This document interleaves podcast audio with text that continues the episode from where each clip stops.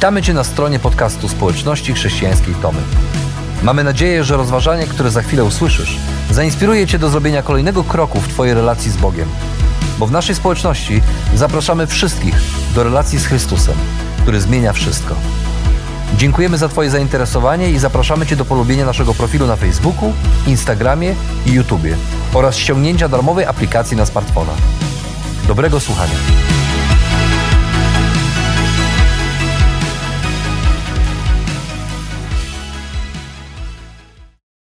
Na początek wyznanie. Nigdy nie byłem złotą rączką. Uf.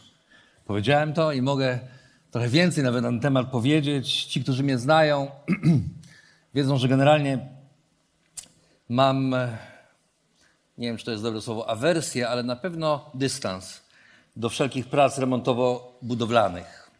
E, młotek, wiertarka, piła to takie narzędzia, które gdyby mogły mówić, pewnie e, opowiedziałyby Wam historię o tym, jak często czują się opuszczone w naszym domu przez ich właściciela, jak rzadko ich właściciel spędza z nimi czas. Um, chyba, że już naprawdę nie ma innego wyjścia, bo, bo rzeczywiście um, myśl o wymianie na przykład deski na tarasie albo przykręceniu nowych śrub w stole, czy myśl o naprawie zerwanej szuflady w komodzie, zerwanej szuflady, paraliżuje mnie tak bardzo, że gotów jestem miesiącami udawać, że nic się nie stało, że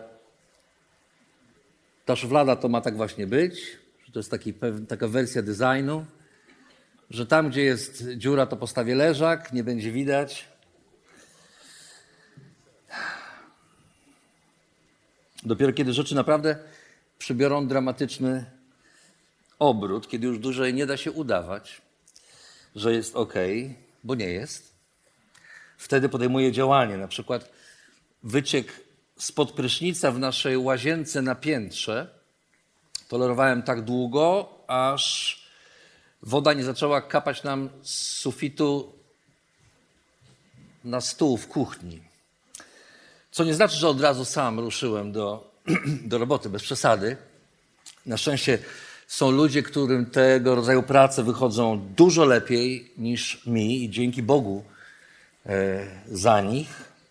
I wy, wiem, że na tej sali są też tacy, wy wiecie, kim jesteście, także bardzo wam dziękuję, że ratujecie mnie w takich sytuacjach, ale najważniejsze jest to, że dzisiaj z sufitu w kuchni na mnie kapie, a ja mogę brać prysznic e, w naszej łazience. Ale słuchając tego, co mówię, niech rzuci kamieniem ten, kto nigdy nie zignorował żółtej lampki ostrzegawczej w samochodzie. Tej lampki, która po angielsku wyświetla się z napisem check engine. Sprawdź silnik. Jechałeś samochodem i ta lampka najpierw zabłysnęła raz, a potem zaczęła błyszczeć kilka razy, a potem wreszcie krzyczała do ciebie, krzyczała do ciebie, a ty udawałeś, że jej nie widzisz, rozglądałeś się, patrzyłeś na krajobraz, wszystko pięknie wyglądało. Tak się czasem dzieje, mówiłeś sobie, ciekawe czy zgaśnie przy następnym odpaleniu silnika. I tak się stawało, że zatrzymywałeś się, odpalałeś, lampka gasła, po to, żeby tylko po przejechaniu paru metrów albo kilometrów znowu się y, zapaliła i w sumie najpierw nie było powodu do niepokoju, w końcu trochę zacząłeś się stresować, ale jakoś jechał ten samochód aż pewnego dnia w najmniej sprzyjających okolicznościach auto rozkraczyło się, mówiąc kolokwialnie, i naprawa kosztowała krocie. Ja nie mówię, że to jest moja historia, ale może to jest Twoja historia. Przyznam się szczerze, nie cierpię naprawiać rzeczy. I to wcale nie z lenistwa. Po prostu nie mam kompetencji. W moim życiu nigdy nie nauczyłem się, wychowałem się też bez ojca i tak naprawdę nie zwalam tego na to, ale po prostu nie nauczyłem się robić rzeczy takich technicznych, sprawnie. E, kiedy wprowadziliśmy się do naszego domu z ogrodem, uczenie się ogrodu i prac ogrodowych kosztowało mnie bardzo wiele wysiłku. Musiałem się po prostu do pewnych rzeczy zmusić, bo wiedziałem, że nikt więcej poza mną tego nie zrobi. Ale już mam taką przypadłość, i to już całkowicie się przed wami odsłaniam, kiedy kiedy widzę zepsutą rzecz albo migającą lampkę ostrzegawczą, udaję, że nic się nie dzieje i, i tak łudzę się, żyję nadzieją, że jakoś to samo się naprawi, że ten silnik, który nie tak, no to znowu zatrybi, że wszystko pójdzie dobrze, że dziura sama się zaklei, że to oczywiście nigdy się nie wydarza. Dlatego, że e, nigdy tak nie jest, żeby rzeczy pozostawione samym sobie, swojemu biegowi, miały same się naprawić. Rzeczy pozostawione samym sobie mają raczej tendencję do dalszego psucia się, do korodywania, do niszczenia, niż do tego, aby się naprawiać. Nic samo z siebie się nie naprawi. A żeby naprawić, to najpierw trzeba przyznać, że to, co popsute, wymaga naprawy. Potem trzeba dokładnie sprawdzić, co się popsuło, a następnie zabrać się za naprawę. I tak jest nie tylko z rzeczami. Podobnie jest w relacjach. W naszej serii, w serii kazań o tym, jak żyć ze sobą, przyglądamy się temu, jak funkcjonować w relacjach między ludźmi. Prawda jest taka, że niektórzy z nas potrafią ignorować długo problem w relacji z żoną, z mężem, z przyjaciółmi, z kimś we wspólnocie, licząc na to, że samo się naprawi że przemykamy oko i udajemy, że nic się nie dzieje. Kiedy będziemy udawać, że nic się nie dzieje, to problem odejdzie. Co jakiś czas tu i tam w tych naszych relacjach lekko dokręcimy śrubkę, tam gdzieś poprawimy szufladę, ale choćby lampka ostrzegawcza naszego małżeństwa czy naszej przyjaźni krzyczała do nas z całej siły, niestety ignorujemy te sygnały w nadziei, że samo się naprawi. Albo to jest jeszcze lepsze. Czekamy na właściwy czas, że przyjdzie taki czas, dzisiaj nie, jutro nie. No jak będzie właściwy czas, to wtedy usiądziemy i pogadamy, to wtedy mu powiem, to wtedy z nią porozmawiam. Właściwy czas nigdy nie nadchodzi, bo nigdy nie ma dobrego czasu na takie rozmowy. Albo, to też jest dobre, mamy nadzieję, że inni rozwiążą ten problem za nas. Że jeżeli pójdziemy do kogoś i powiemy o naszym problemie w relacji z tą czy inną osobą, to ta osoba zajmie się tym, przyjdzie z boku i powie: Słuchaj, muszę z tobą porozmawiać, bo, bo Kasia ma problem z tobą, Aniu, i musisz iść i porozmawiać z, Kas- z Anią, z Kasią, bo Kasia nie za bardzo chce, nie wie, jak o tym rozmawiać. Tworzy się zupełnie nowy obieg informacji, szukamy ludzi, którzy pomogą nam tę sprawę załatwić. Albo najlepiej, żeby rozwiązali ten problem za nas, żeby powiedzieli, tę magiczną receptę na to, jak ma być, żeby było dobrze i, nie wychodzi. Albo, i to już jest najgorsze dla mnie, powtarzamy sobie pod nosem ulubioną piosenkę polskich kibiców, kiedy przegrywają mecz, kiedy nasza reprezentacja przegrywa mecz i wtedy musimy sobie nic się nie stało, Polacy nic się nie stało. Dopóki woda nie zacznie naprawdę kapać z naszego sufitu. Wtedy dopiero zaczynamy analizować sytuację i zastanawiamy się, co można było zrobić inaczej, gdzie można było zareagować wcześniej i jak to się stało, że się posypało, a mogło być tak pięknie. I w 15 rozdziale drugiej księgi Samuela, starożytnej księgi opisującej życie króla Dawida, widzimy największego króla, jaki, jaki, jakiego nosiła izraelska ziemia, jak razem ze swoim dworem opuszcza Jerozolimę. Idzie na piechotę, idzie boso, głowę ma zakrytą, i płacze. Płacze on, płaczą ludzie, którzy mu towarzyszą, zmierzają w stronę Góry Oliwnej i za tą górą za chwilę spotka ich pustynia i będą się błąkać po tej pustyni, szukając schronienia, bo Dawid ucieka. I to ucieka nie przed byle kim, ale ucieka przed swoim własnym synem, Absalomem który właśnie zebrał wojsko w Hebronie, aby wystąpić przeciwko ojcu i przejąć władzę w Izraelu. Dawid nie walczy, nie podejmuje wyzwania, nie wzywa wojska, nie staje w obronie kraju wobec samozwańczonego króla, którym ogłosił się jego własny syn. Dawid po prostu ucieka. I patrząc na tego Dawida ze spuszczoną głową, płaczącego, zadajemy sobie pytanie, jak to możliwe? Jak mogło do tego dojść, że największy król w Izraelu mógł znaleźć się w miejscu, w którym ucieka przed swoim własnym synem, kiedy ten nawet go jeszcze nie zaatakował, jeszcze nawet nie podjęto walki, ale on opuszcza Jerozolimę i jak pies z podkulonym ogonem idzie na pustynię, nawet nie próbując stawić czoła samozwanczemu królowi, którym jest jego własny syn. Jak do tego mogło dojść? Gdzie to się zaczęło sypać? Przecież żaden syn nie występuje przeciwko swojemu ojcu tak z dnia na dzień. Może zaczęło się jeszcze wtedy, kiedy sam król Dawid postanowił, postanowił zrobić to, co inni królowie robili w tamtym czasie. I to, co królowie i ludzie u władzy generalnie robią, kiedy mają pełnię władzy. A mianowicie Dawid pewnego dnia postanowił wziąć siłą to, co nie należało do niego. Zobaczył piękną kobietę kąpiącą się na balkonie, zapragnął ją, wezwał ją do siebie, potem ją zgwałcił, a potem zabił jej męża. I chociaż pokutował z tego grzechu, to trudno przejść się wrażeniu, czytając dalej historię życia Dawida, że coś ważnego tamtego dnia stało się z samym Dawidem. Że choć nie przestał być człowiekiem według Bożego serca, chociaż nie przestał być królem w Izraelu, chociaż nie odebrano mu tronu, chociaż nie przestał być pra, pra, pra, pra, pra dziadkiem Mesjasza, Jezusa, który miał przyjść wiele, wiele, wiele lat później.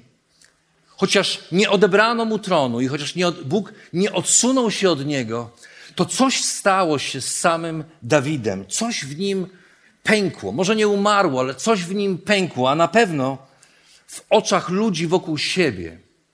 W wyniku tej historii jakby stracił moralny autorytet i pewną zdolność do konfrontowania grzechu u innych, zwłaszcza u swoich dzieci. Bo zaraz potem widzimy jego najstarszego syna, Amnona, jak idzie w ślady swojego ojca. Chciałby się powiedzieć, robi dokładnie to samo, ale nie. Robi coś, a nie wiem, czy można to porównywać, ale coś jeszcze gorszego.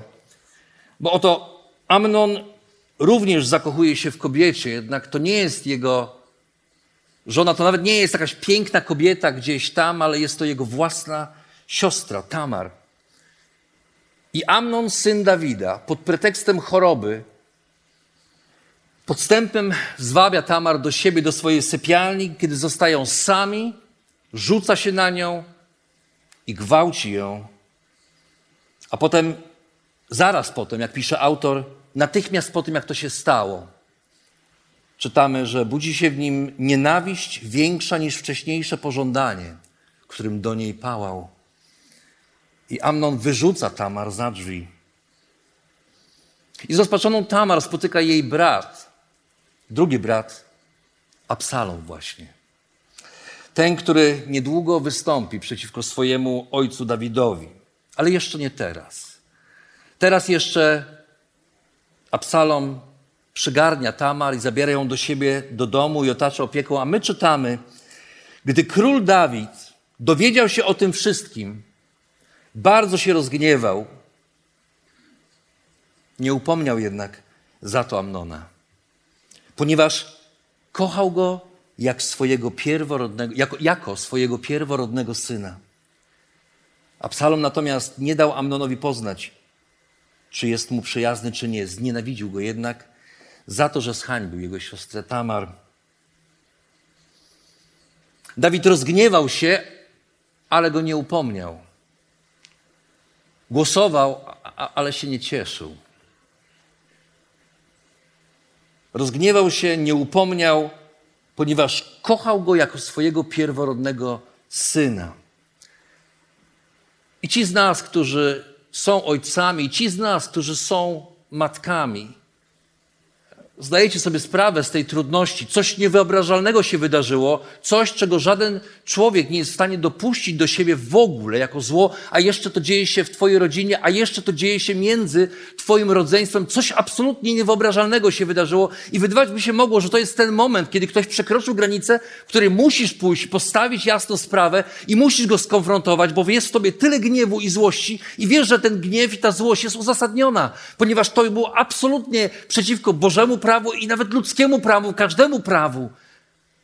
Bo nawet poganie nie robili takich rzeczy. Nawet w pogańskich kulturach było to zabronione.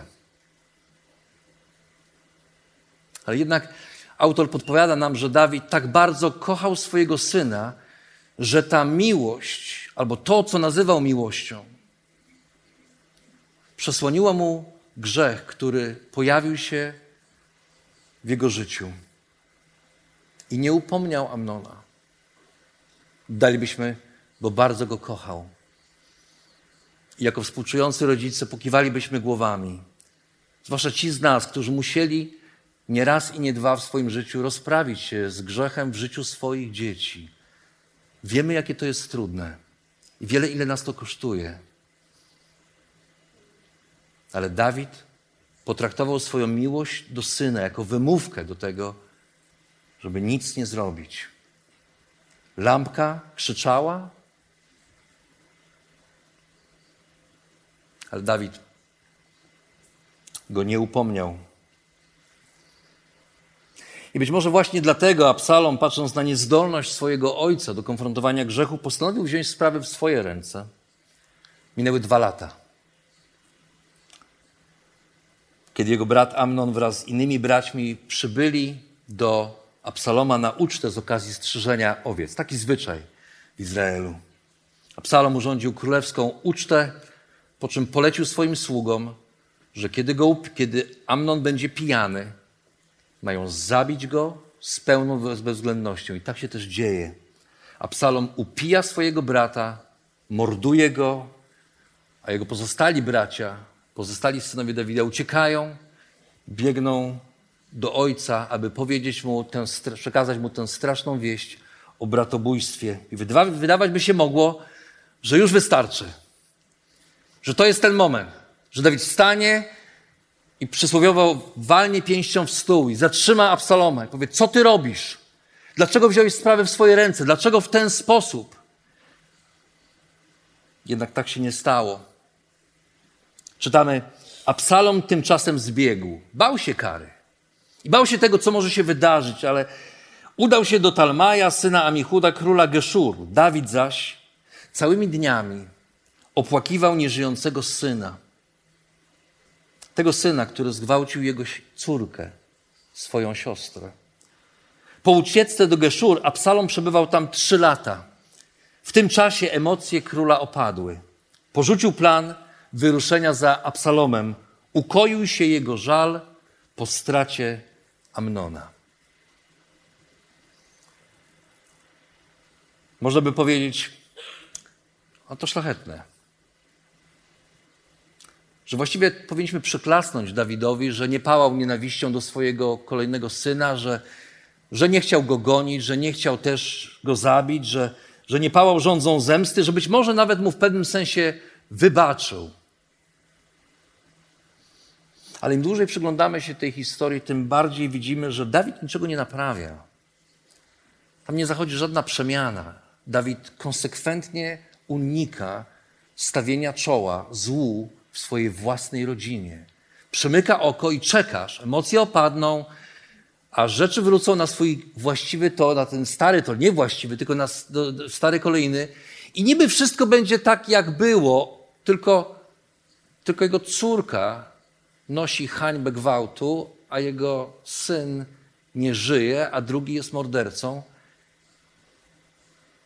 A życie toczy się jakby nigdy nic. I woda powoli zaczyna coraz bardziej kapać z sufitu. Mijają kolejne trzy lata. Po trzech latach Dawid na prośbę swojego generała Joaba sprowadza Absaloma do Jerozolimy. Jednak kiedy ten wraca, Dawid odmawia mu spotkania. I przez następne dwa lata Absalom mieszka w Jerozolimie bez widywania się z ojcem. A więc trzy lata mieszka na wygnaniu, Dawid go, trzy, trzy lata mieszka na wygnaniu, Dawid go sprowadza do Jerozolimy, mówi dobrze, wróć, ale w końcu mówi nie, nie spotkam się z tobą. Mijają kolejne dwa lata, pięć lat upokorzającego milczenia ze strony ojca. Pięć lat, kolejnych pięć lat nierozwiązanego konfliktu. Mija pięć lat. Wreszcie znów za namową Joaba Dawid przyzywa Absaloma do siebie i spodziewalibyśmy się, że to jest właśnie ten moment. Ten moment, kiedy dwóch dorosłych mężczyzn usiądzie przy stole i jeden powie drugiemu, co zrobił nie tak i, i wezwie go do upamiętania, ten drugi powie, tak, rzeczywiście, źle zrobiłem i że coś w tej historii się zmieni. Tymczasem czytamy, wówczas król wezwał Absaloma, a ten przybył, pokłonił się królowi twarzą do ziemi, a król go pocałował. Koniec. I znowu moglibyśmy wzruszyć się i powiedzieć, wspaniało, wspaniałomyślny jest Dawid. Jego syn po pięciu latach wreszcie staje przed jego obliczem, syn winny śmierci drugiego jego syna. A Dawid po prostu przytula go, całuje, jakby nigdy nic. Rzeczy mają toczyć się dalej, ale Dawid nie widzi tego, że to niebezpieczeństwo, które przez całe lata ignorował, ten grzech, którego przez całe lata nie konfrontował, on za chwilę zbierze swoje żniwo, bo Absalom nie jest głupi. Absalom zobaczył, że z ojcem można pogrywać, że ojciec ma słaby punkt. Tym słabym punktem jest to, że ojciec nie lubi stawić czoła konfrontacji, że ojciec czuje się w jakiś sposób osłabiony. I Absalom wykorzystuje słabość ojca, zaczyna gromadzić żołnierzy, zaczyna gromadzić przychylnych sobie ludzi. I czytamy, że jakiś czas potem Absalom przygotował sobie rydwan i konie oraz oddział pięćdziesięciu wojowników, zdolnych biec przed nim w orszaku. Wstawał też Absalom wcześnie rano, ustawiał się przy drodze do bramy i przywoływał do siebie każdego, kto udawał się do króla, aby rozstrzygnąć jakąś sporną sprawę. Zwykł pytać, z którego jesteś miasta? I otrzymywał odpowiedź. Twój sługa należy do tego i tego plemienia Izraela. A po zapoznaniu się ze sprawą, Absalom mawiał. Moim zdaniem, Twoja sprawa jest jak najbardziej uzasadniona i słuszna, lecz u króla, mojego ojca, nie znajdziesz nikogo, kto by cię z uwagą wysłuchał. Dodawał też, gdyby to mnie ustanowiono sędzią w tym kraju, czyli królem, i do mnie przychodził każdy, kto ma sporną sprawę, na pewno mógłby liczyć na sprawiedliwość. Również, kiedykolwiek podchodził ktoś, by pokłonić się Absalomowi, ten wyciągał do niego rękę, obejmował go i witał pocałunkiem. I tak Absalom postępował względem każdego Izraelity, który szedł, aby stanąć przed królewskim sądem. I w ten sposób zaskarbił sobie życzliwość Izraelitów. I w tym miejscu historia przyspiesza. Zaraz potem Absalom udaje się do Hebronu, gdzie rozsyła wici po całym Izraelu, ogłaszając się królem. Nie czeka na nominację, nie czeka, zrobią to inni. On sam nazywa siebie królem i coraz więcej ludzi zaczyna gromadzić się wokół niego. Nawet czytamy w dobrej wierze gromadzili się ludzie wokół niego, bo myśleli, że faktycznie tak się stało, że król się zmienił, że królem teraz będzie Absalom. I kiedy Dawid dowiaduje się o tym, co się dzieje, kiedy Dawid usłyszał, że oto jego własny syn, ten syn, którego przywitał pocałunkiem, którego nie skarcił, którego, którego w swojej głowie tak kochał, stanął przeciwko niemu i ogłosił się królem, Dawid znów zamiast go skonfrontować, zamiast zebrać swoich najlepszych żołnierzy i ruszyć do walki, aby bronić siebie bronić miasta Jerozolimy, bronić swojego dworu, i bronić swoich ludzi, Dawid podejmuje decyzję o ucieczce z Jerozolimy. I właśnie tam spotkaliśmy go na początku naszej opowieści, próbując zrozumieć, kiedy to się wszystko zaczęło. Ktoś powie, No dobrze, Rafał, ale e, czy ty przypadkiem nie wykręcasz tej opowieści? Bo no powiedzmy sobie szczerze, mamy tu bardzo konkretne, złe osoby. Przecież to Amnon zgwałcił Tamar. Czy to nie o nim powinniśmy mówić, pokazywać jego jako przykład grzechu, że to on zgrzeszył? Przecież to Absalom zabił brata i to Absalom wystąpił przeciwko ojcu. Przecież to oni uczynili zło. Czemu ty wracasz cały czas w tej historii, zamiast czytać to, co zrobili inni, czytasz te fragmenty, które mówią o tym, co zrobił, albo raczej czego nie zrobił Dawid. Przecież to ludzie tacy jak oni, jak Amnon czy Absalom, są utrapieniem tego świata, są prawdziwym zagrożeniem dla innych. Ludzie żądni władzy, ludzie nienasyceni, ludzie podstępni, ludzie gotowi do przemocy, to ich się boimy, to wobec nich gdzieś truchlejemy, to, to oni budzą w nas najgorsze skojarzenia, to, to, to przed nimi chcemy uciekać, to wobec nich często mówimy, nie będę się angażował, bo to mnie będzie dużo kosztować. Dlaczego skupia się na Dawidzie? Bo kiedy przyglądam się tej historii, nie mogę oprzeć się wrażeniu, że wszystko mogło potoczyć się inaczej. Gdyby to Dawid zareagował na gwałt Amnona, albo gdyby to Dawid zareagował na morderstwo Absaloma. Bo unikanie konfrontacji w obliczu zła jest tak samo niebezpieczne jak samo zło. Unikanie konfrontacji grzechu jest tak samo złe jak sam grzech. Niech nam się nie wydaje przez to, że kiedy przymykamy oczy na zło, które dzieje się przy nas, niech nam się nie wydaje, że kiedy widzimy, jak ktoś z naszych przyjaciół, bliskich idzie w złą stronę i my milczymy i mówimy, to nie moja sprawa, to niech inni się tym zajmą. Niech nam się nie wydaje, że robimy coś dobrego. Bo historia rodziny Dawida pokazuje, że nie ma w tym nic dobrego. Nie ma żadnego dobra w przemilczaniu trudnych tematów. Nie ma żadnego dobra w przymykaniu oczu na zło. Nie ma żadnego dobra w udawaniu, że ta szuflada nie wypadła tak całkiem z komody i można ją jeszcze jakoś lekko dopchnąć. Ujdzie. Przymykanie oka i robienie dobrej miny do złej gry nikomu nie pomaga. Raczej utwierdza innych w nich w niewłaściwym postępowaniu. Oczywiście nie lubimy tego. Nie lubimy tego. Kiedy rozmawiamy o tym, jak żyć ze sobą, chcielibyśmy mówić o tych wszystkich miłych i dobrych rzeczach, ale żeby dobrze ze sobą żyć, czasami trzeba zdecydować się na krok, który jest trudny, nieprzyjemny, niekomfortowy, ale na dłuższą metę może nie tylko przynieść wiele dobra, ale przede wszystkim może uchronić kogoś od dalszego brnięcia w konsekwencji jego złego postępowania.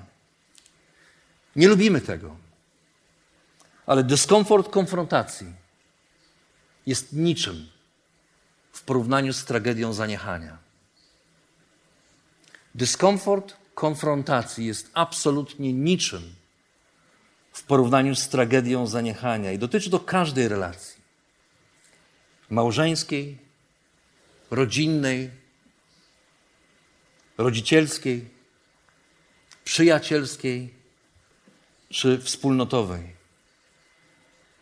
I ta historia pokazuje nam z jednej strony, że największym zagrożeniem dla każdej wspólnoty, każdej grupy ludzi jesteśmy my sami nasz grzech, ale też nasza skłonność do przymykania oczu na grzech. Największym zagrożeniem dla każdej wspólnoty, tej najmniejszej, domowej i tej większej, przyjacielskiej, i tej największej w naszym gronie, kościelnej, albo tej największej, państwowej, jest przymykanie oczu na grzech i czynienie, czy, czy, czy popełnianie grzechu. Jedno i drugie powinniśmy postawić w tym samym miejscu i powiedzieć: Jeżeli grzeszysz, źle robisz. Ale jeżeli przymykasz oczy na grzech, robisz równie źle. A może nawet jeszcze gorzej, bo wiesz lepiej i nie pomagasz. Nie pomagasz temu, który idzie na zatracenie. Nie pomagasz w imię poprawności, w imię poprawnych relacji, w imię uśmiechu, nie pomagasz w imię komfortu, nie pomagasz w imię tego, że ktoś powie, nie chce mi się już więcej z tobą rozmawiać, nie pomagasz w imię tego, że usłyszysz, to nie jest twoja sprawa, odwal się ode mnie, nie pomagasz. Czasem lepiej jest raz usłyszeć w życiu, to nie twoja sprawa, odwal się ode mnie, ale zobaczyć, że po latach ten ktoś wziął lekcję i zawrócił ze złej drogi. Albo jeżeli nic innego, to przynajmniej spojrzeć wstecz i powiedzieć: Zrobiłem, co mogłem.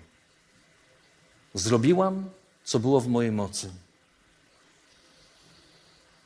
Największym zagrożeniem dla każdej wspólnoty jesteśmy my sami, każdy z nas.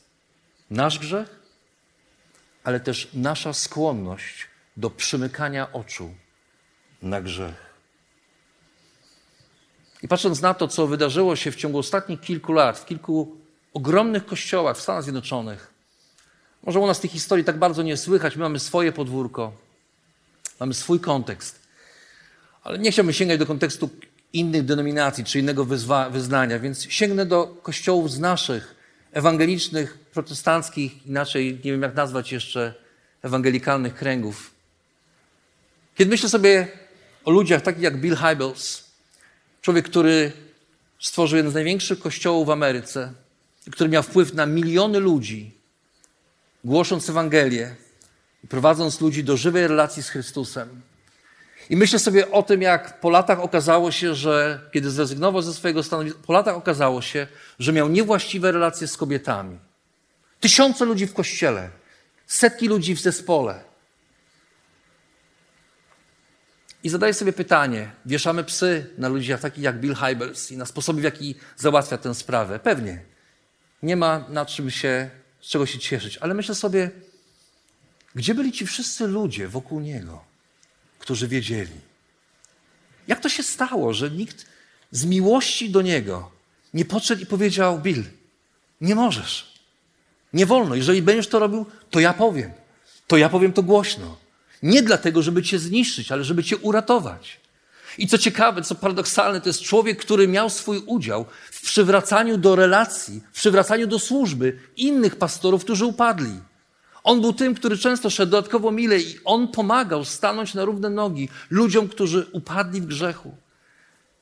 Myślę sobie, czemu jemu nikt nie pomógł? Czemu nikt nie miał odwagi stanąć i powiedzieć: Nie wolno ci, ani starsi, ani ludzie w zespole przywódczym, pastorzy.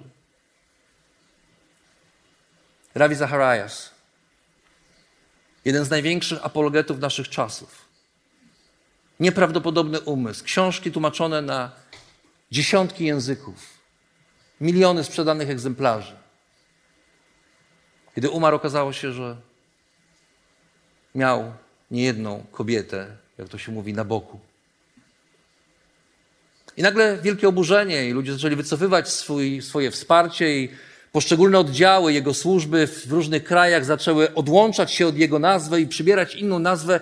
A ja się zastanawiam, gdzie byli ludzie, którzy mogli spojrzeć i powiedzieć mu prosto w oczy: Rawi, nie możesz. Nie wolno ci. Możemy pastwić się nad tymi wszystkimi wielkimi nazwiskami, naszego ewangelicznego świata. I nie mówię tego też dlatego, że sam jestem pastorem, ale mogę jako pastor powiedzieć jedno. W imieniu swoim i w imieniu ludzi takich jak Bill Hybels czy Ravi Zacharias, chociaż nie mam nawet czelności równać się z nimi. Chcę powiedzieć, że jestem tutaj dzisiaj, w tym miejscu, dlatego że byli ludzie w moim życiu, którzy, kiedy wszystko się rozpadało, kiedy nasze małżeństwo wisiało na włosku,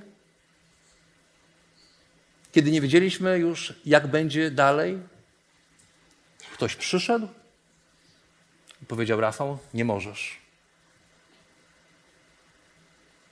Stanęli przy mnie, wsparli i tej dwugodzinnej podróży z Warszawy do Tomaszowa z moim dyrektorem Wulatem wtedy w, w samochodzie nie zapomnę do końca życia.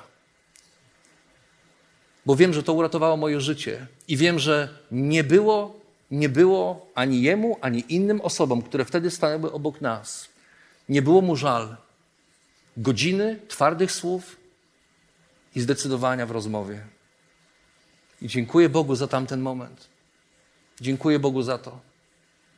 Bo nie byłoby mnie tutaj, nie byłoby nas tutaj, nie byłoby naszej rodziny. I przypominam tę historię nie po to, aby się znęcać nad grzesznymi ludźmi, bo równie dobrze mógłbym znęcać się nad samym sobą. Sam jestem grzesznym człowiekiem. I nie mówię tego po to, żeby relatywizować ich grzech, bo on jest ewidentny. Ale mówię to po to przede wszystkim, żebyśmy zdali sobie z tego sprawę, jak bardzo jesteśmy sobie potrzebni w Bożym Królestwie, w chrześcijańskiej wspólnocie. Jak bardzo nie, nie wolno nam bawić się w Kościół, ale musimy być Kościołem. Jak bardzo nie wolno nam budować towarzystwa wzajemnej adoracji, w którym nie będziemy sobie potrafili z miłości powiedzieć trudnych rzeczy, bo to na zgubę jest, a nie ku zbudowaniu. Czasami najlepszą rzeczą, jaką możesz dla kogoś zrobić, z miłości do niego, jest stanąć wobec tej osoby i skonfrontować jej grzech. Nie tylko przez, we wspólnocie, ale, ale również w Twojej rodzinie. Pomyśl przez chwilę o swoim małżeństwie. Czy byłbyś w tym samym miejscu dzisiaj? Gdybyś wcześniej przestał czy przestała przymykać oko na rzeczy, które były niewłaściwe i zdobył się albo zdobyła się na konfrontację, albo przyjął, albo przyjęła to, co twój współmałżonek próbował ci powiedzieć wiele razy.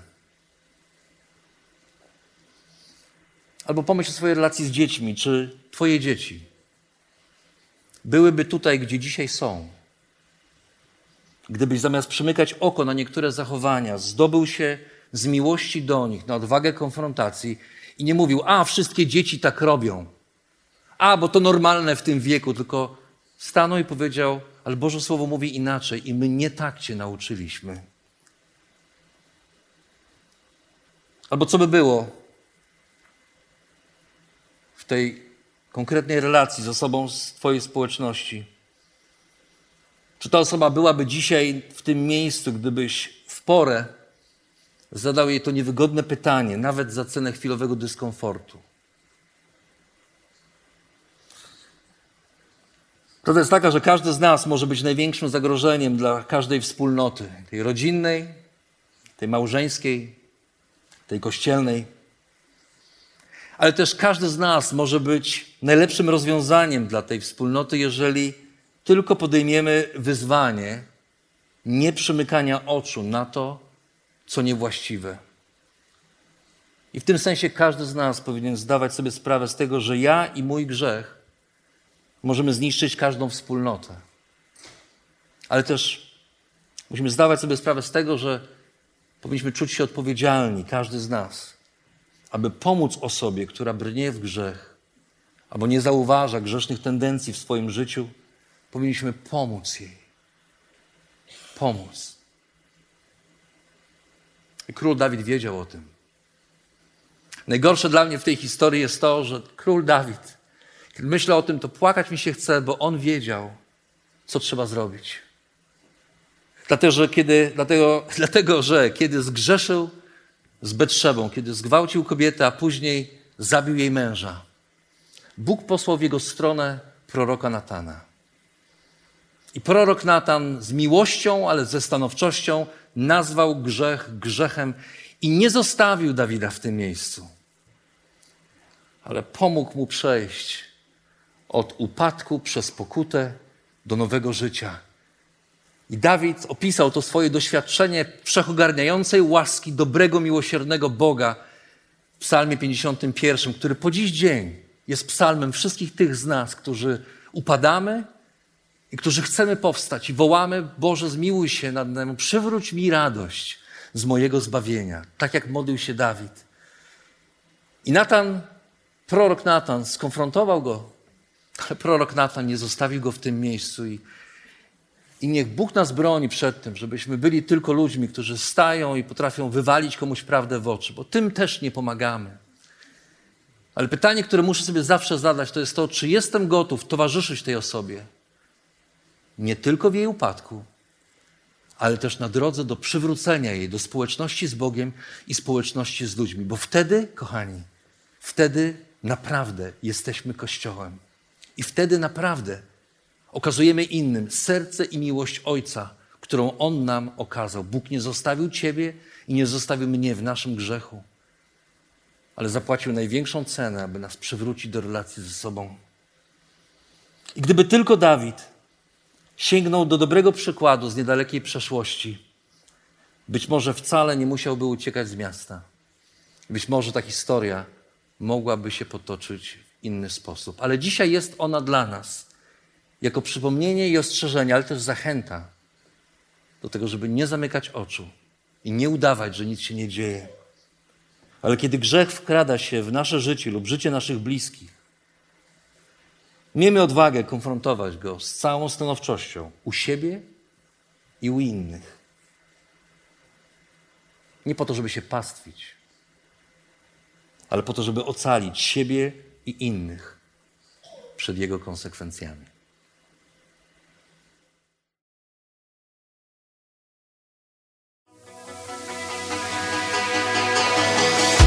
Jeszcze raz dziękujemy za wysłuchanie naszego rozważania. Jeżeli mieszkasz w okolicach Tomaszowa Mazowieckiego lub Łodzi, zapraszamy Cię do odwiedzenia nas na niedzielnym nabożeństwie. Więcej informacji znajdziesz na stronie schatomy.pl.